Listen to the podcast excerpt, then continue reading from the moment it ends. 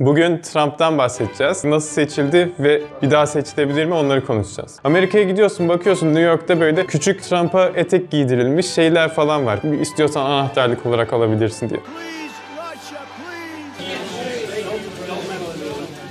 Russia, Russia, Russia, Russia.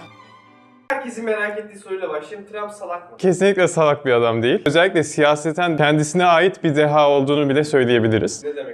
Şu demek, daha öncesinde kimsenin farkında olmadığı bazı şeyleri sezinlemiş ya da sezinleyen insanları bulmuş. Steve Bannon gibi. Ve bunların yönergesiyle ya da kendi sezgileriyle bu noktalara ateş etmiş. Peki bu noktalar ne? Onlara değinelim. Bunlar aslında Amerikan halkının genel şikayetleri. Şimdi Amerikan halkı deyince de böyle toptancı bir şekilde anlatmayalım. Daha çok beyaz, kırsal kesimde yaşayan erkek Amerikalıları kastediyorum yani. Şimdi bunlar iki konuda gerçekten e, büyük şikayetleri var. Bunlardan bir tanesi ekonomik. Bunlar diyor ki Washington'da işte San Francisco'da, New York'ta elitler var. Bu elitler bir oligarşi kurmuşlar ve bütün ülkeyi yönetiyorlar. Tamamen de kendi çıkarlarına göre hareket ediyorlar. Son 10-15 yılda ne olduysa hep bunlar zenginleşti, biz iyice fakirleştik. Özellikle 2008 krizinden sonra zaten birkaç sene sonra Cumhuriyetçi Parti'de de daha çok bunları temsil eden Tea Party diye çay partisi şeklinde bir tane grup da kuruluyor. Bunların attığı tohumlar da en sonunda Trump'a yol açıyor. İkinci mesele ise kültürel bir şikayetleri var bu adamların. Bu adamlar diyor ki bizim çocukluğumuzun Amerika'sıyla bugünkü Amerika arasında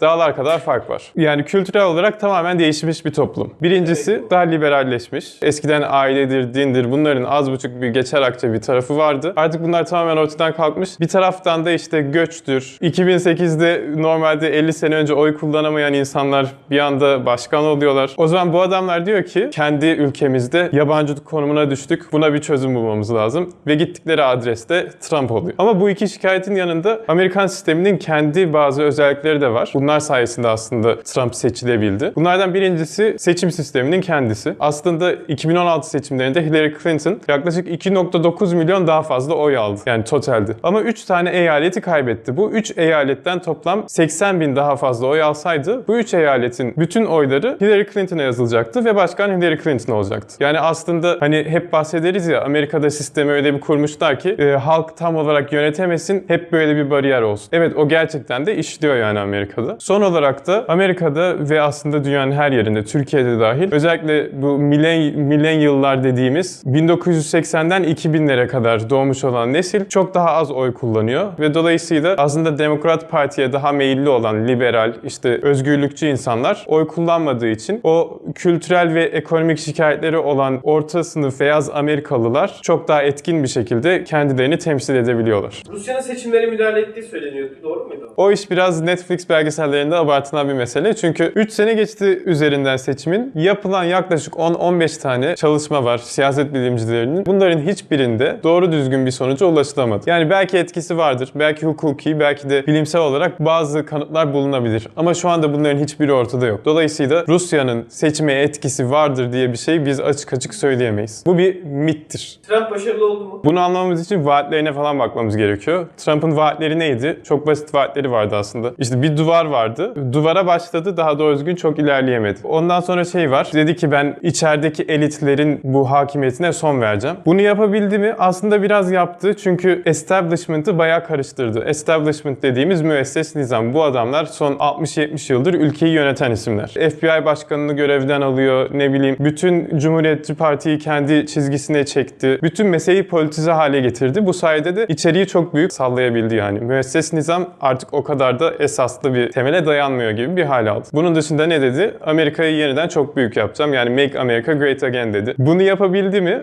Bu konuda da net bir şey söyleyemiyoruz ama şunu diyebiliyoruz mesela. Son 50 yılın en düşük işsizlik seviyesi ve giderek düşüyor. %3.6 şu anda. Yani demokratlar bunu Obama döneminin bir mirası olarak değerlendiriyorlar. Zaten bir düşüş vardı. O düşüş devam ediyor diyorlar ama o kadar da basit değil. Gerçekten son Kasım ayında 260 bin yeni iş üretildi şeklinde bir şey var yani. Bu, bu gerçekten Trump'ın bir başarısı. Peki bunu nasıl başardı? Bunu başarmasında bu bahsettiğimiz hani ticaret savaşları meselesi vardı ya Çin'le. Sonra aynı zamanda da Kanada ve Meksika ile yaptığı bir NAFTA anlaşması vardı daha önce Bill Clinton'ın. Bunu değiştirdi. Yerine yeni bir anlaşma getirdi. Bunlar sonucunda artık Amerikan şirketleri Amerikan vatandaşlarını çalıştırmak durumunda kaldı. Yani Amerika'da daha önce büyüme yok diye bir şey yok. Amerika her zaman büyüyordu zaten. Ama şimdi ne oldu? İşsizlik de azalmaya başladı. Çünkü iş artık Amerikan halkına verilmeye başladı. Ki bu da zaten Trump'ın en en büyük vaatlerinden bir tanesiydi. Trump Amerika'da son 20 yılda gördüğümüz en sansasyonel başkan mı? Amerikan tarihinde yaşanmış en büyük gelişme gibi bir şey söyleyemeyiz. Hatta en ırkçı, neofaşist, en xenofob başkan olduğunu da söyleyemeyiz. Çünkü özellikle 1960'lardan öncesine bakarsak hatta 70'lere, Nixon'lara falan bakarsak durumun öyle olmadığı çok rahat ortaya çıkar. Ama zaten son birkaç ayda yaşanan bu Ukrayna krizi daha sonrasında azil sürecini falan da duymuşsunuzdur. Yani Amerikan tarihinde azledilen üçüncü isim. Bu da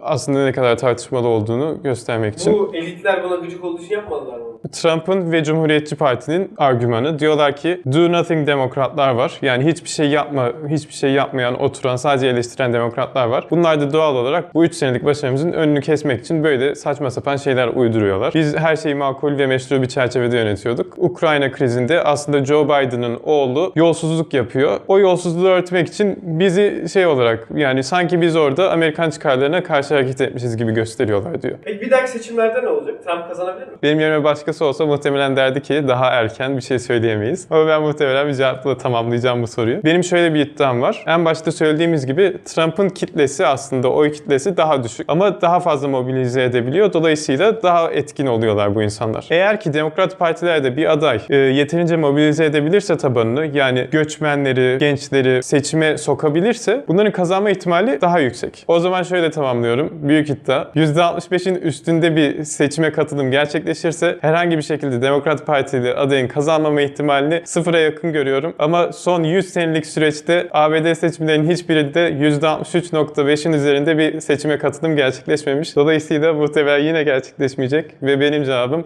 Trump seçimi kazanır. Sizce Trump başarılı mı? Başarılıysa seçimi kazanır mı yoksa kazanamaz mı? Yorumlarda bekliyoruz.